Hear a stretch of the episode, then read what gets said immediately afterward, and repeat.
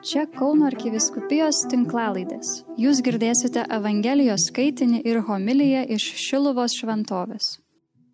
Viešpat su jumis. Ir su tavimi. Pasiklausykite šventosios Evangelijos pagal Luką. Garbė tau viešpatie. Anuo metu Simeonas, šventosios dvasios paragintas, atėjo dabar į šventyklą. Įnešant gimdytojams kūdikį Jėzų, kad pasielgtų kaip įstatymas reikalauja, Simeonas jį paėmė į rankas, šlovino Dievą ir sakė, dabar gali valdovę, kai buvai žadėjęs, leisti savo tarnui ramiai iškeliauti nes mano akis išvydo tavo išgelbėjimą, kurį tu prirengiai visų tautų akivaizdoje. Šviesą pagonims apšviesti ir tavosios Izraelio tautos garbę. Kūdikio tėvas ir motina stebėjosi tuo, kas buvo apie jį kalbama. O Simeonas palaimino juos ir tarė motinai Marijai Štai šis, skirtas daugelio Izraelyje nupolimui ir atsikėlimui. Jis bus prieštaravimo ženklas ir tavo pačios siela pervers kalavijas, kad būtų atskleistos daugelio širdžių mintys. Girdėjote viešpaties žodį.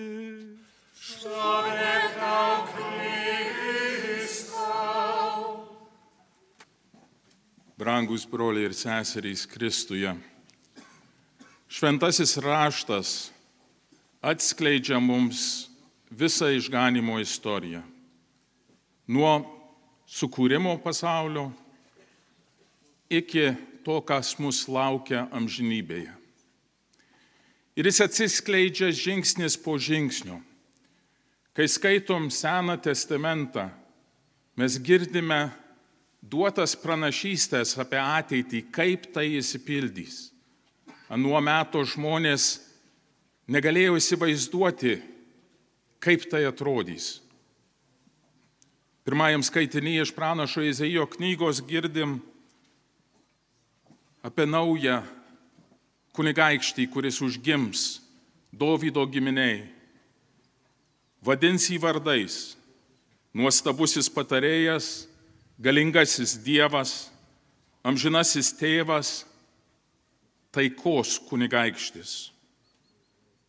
Didijo valdžia ir taika begalinė. Tai yra Dievo tautai duotas pažadas, užtikrinant, kad bus taika, kad bus valdovas, kuris užtikrins taiką. Ir pranašas Izaijas kalba toliau apie tautą, kuri vaikščioja patamsiais. Ir jinai išvys skaiščią šviesą, gyvenintiems tamsos šalyje užtekės šviesybė. To šviesybės pasirodymą mes girdime šiandienos Evangelijoje. Kai Jėzus kaip po kūdikis atnešamas į šventyklą, ir prasideda taikos kunigaikščio era. Šventosios dvasios paragintas Simeonas atėjo į šventyklą. Nors visa tauta laukė, reikėjo išgirsti tą pastumėjimą, kad jis laiku prisistatytų, kad jis galėtų ne tik pamatyti, bet ir kitiems paskelbti, kad jau šitas laikas prasidėjo, apie kurį Izaijas pranašavo.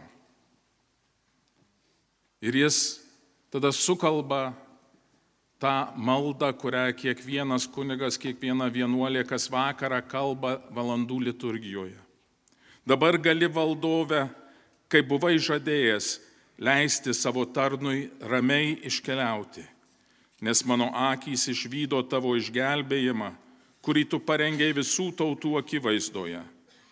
Šviesą pagonims apšviesti ir tavosios Izraelio tautos garbę. Kiek žmonių buvo šventykloje tą dieną ir neatpažino. Kiek žmonių toliau, įsipildant išganimo istorijoje, neatpažįsta taikos kunigaikštį ir tą galimybę įtvirtinti taiką mūsų širdyse ir mūsų pasaulyje. Bet bando tą spręsti savais būdais. Mūsų visa liturginė metų eiga atskleidžia tuos pasikeitimus išganimo istorijoje, kurie byloja mums, kur ir kaip ateis mūsų taika.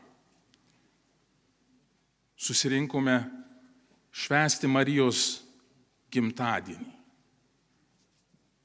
Liturginiai metai yra sustatyti labai taikliai,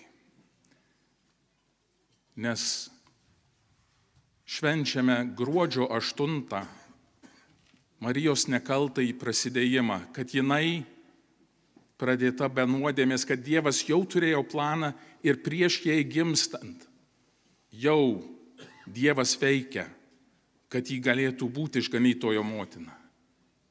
Ir lygiai po devynių mėnesių, rugsėjo 8, mes švenčiam jos gimimą. Mes švenčiam kovo 25 apsireiškimą Marijai, kai Gab arkangelas Gabrielius jai praneša, kad jis susilauks kūdikio, kuris bus Dievas su mumis. Ir lygiai po devynių mėnesių gruodžio 25 mes švenčiam Kristaus gimtadienį, Kalėdas. Mes švenčiame sėkminės šventosios dvasios atsiuntimą ir bažnyčios gimtadienį. Ir sekančią dieną mes minime Mariją kaip po bažnyčios motiną. Jinai turi išskirtinį vaidmenį išganimo istorijoje, jinai turi išskirtinį vaidmenį ir mūsų gyvenimuose. Marija ne tik gimtadienių šventimams, bet Marija taip pat po kryžiumi, kenčiant kartu su savo sūnumi. Mes irgi turime vaidmenį išganimo plane. Mes turime vaidmenį, į kurį mus veda šventoji dvasia. Kaip nuvedė Simijoną į šventyklą tinkamu laiku. Ir kaip nuvedė Jėzų iki kryžiaus, iki kryžiaus mirties, taip ir mes turime mums numatytą kelią į taikos karalystę. Ir taip, tas kelias eina per kryžių.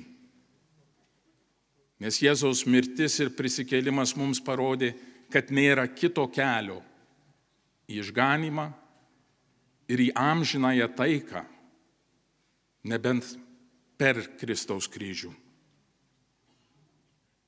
Įdomiai Ukrainos vyskupai šiuos metus paskelbė kryžiaus metais.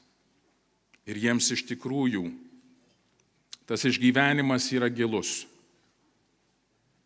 Jų dvasinė kelionė lydima tikru kryžiaus keliu visos tautos. O rytoj Europos vyskupai kviečia visus Europos, visas Europos bažnyčias, kviečia mus visus jungtis maldoje už Ukrainą Eucharistinėje adoracijoje. Rytoj bažnyčia mini krikšto kryžiaus išaukštinimo šventę rytų bažnyčiose ypatingai iškilmingai švenčiama. Nes tai yra tas pergalės ženklas. Kristaus pergalės ženklas. Ir tuo pačiu mūsų pergalės ženklas.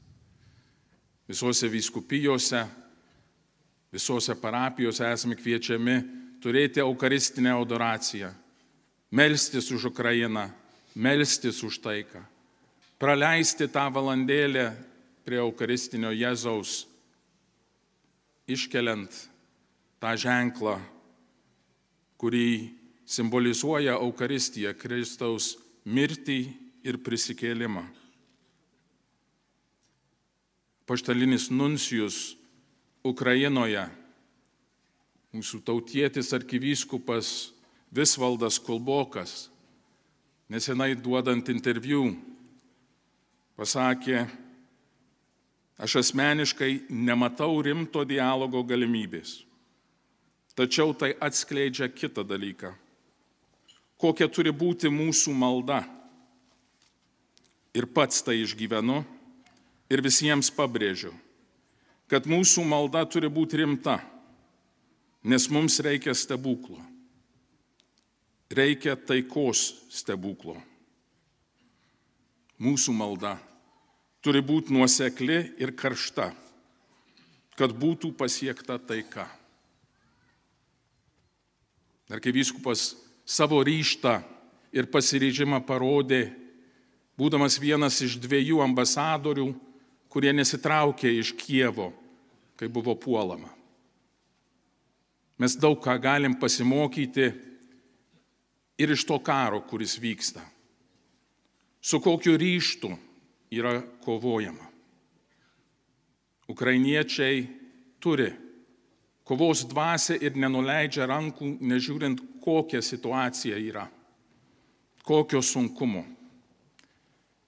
Bet šiuo atveju galima pasimokyti ir iš rusų kariuomenės, kurie nėra tokie uolūs, kurie neturi to ryšto, nes neturi tos dvasios. Mes visi esame kviečiami dalyvauti toje kovoje. Ir kaip mes tą darysime? Su kokia dvasia ir su kokiu ryštu esame pasiruošę melstis už taiką. Turime savęs paklausti. Ar iki šiol tikrai ryštingai meldžiausi kasdien už taiką Ukrainoje? Už jų kariuomenę ir už jų karius. Kaip ir už mūsų kariuomenę ir mūsų karius. Kariai labai gerai žino ne tik strategijas, bet kad reikia įvairios ginkluotės. Ukrainiečiai tą patį tvirtina, ko jiems trūksta, kad galėtų greičiau laimėti karą. Neturint iš viršaus dangos, neturint tos pagalbos, trūksta tų ginklų, kurie veda į pergalę. Ir mes turime pažinti savo ginkluotę ir mums reikia pagalba iš aukštai. Brangus broliai ir seserys, čia yra krikščionių ginkluotė. Rožinis. Imti į rankas kasdien ir melstis dėl taikos. Jei mes melsimės su tokiu uolumu, kaip kovoja ukrainiečiai, mes ir išmelsime tą taikos stebuklą, apie kurį arkivyskupas Visvaldas minėjo. Susirinkome čia šiandien melstis už taiką, melstis už Ukrainą ir gerai. Gausiai mes čia šiandien susirinkome.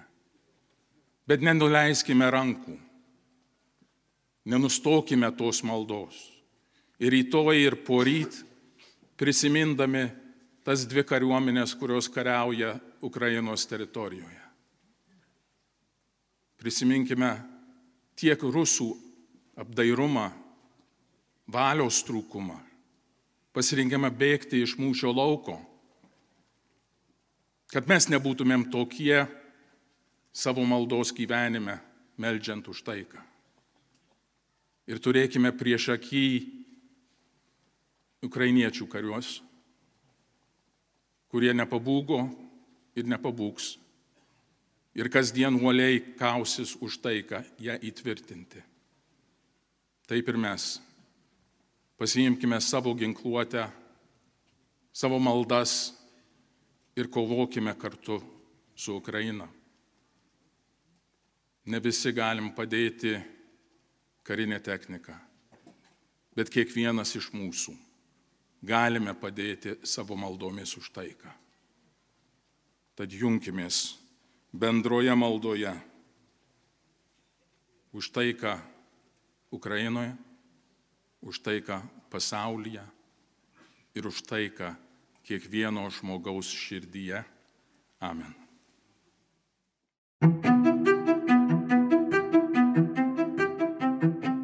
Jūs girdėjote Evangelijos skaitinį ir homiliją iš Šilovo šventovės. Čia Kauno arkiviskupijos tinklalaidės. Sekite mus ir prenumeruokite.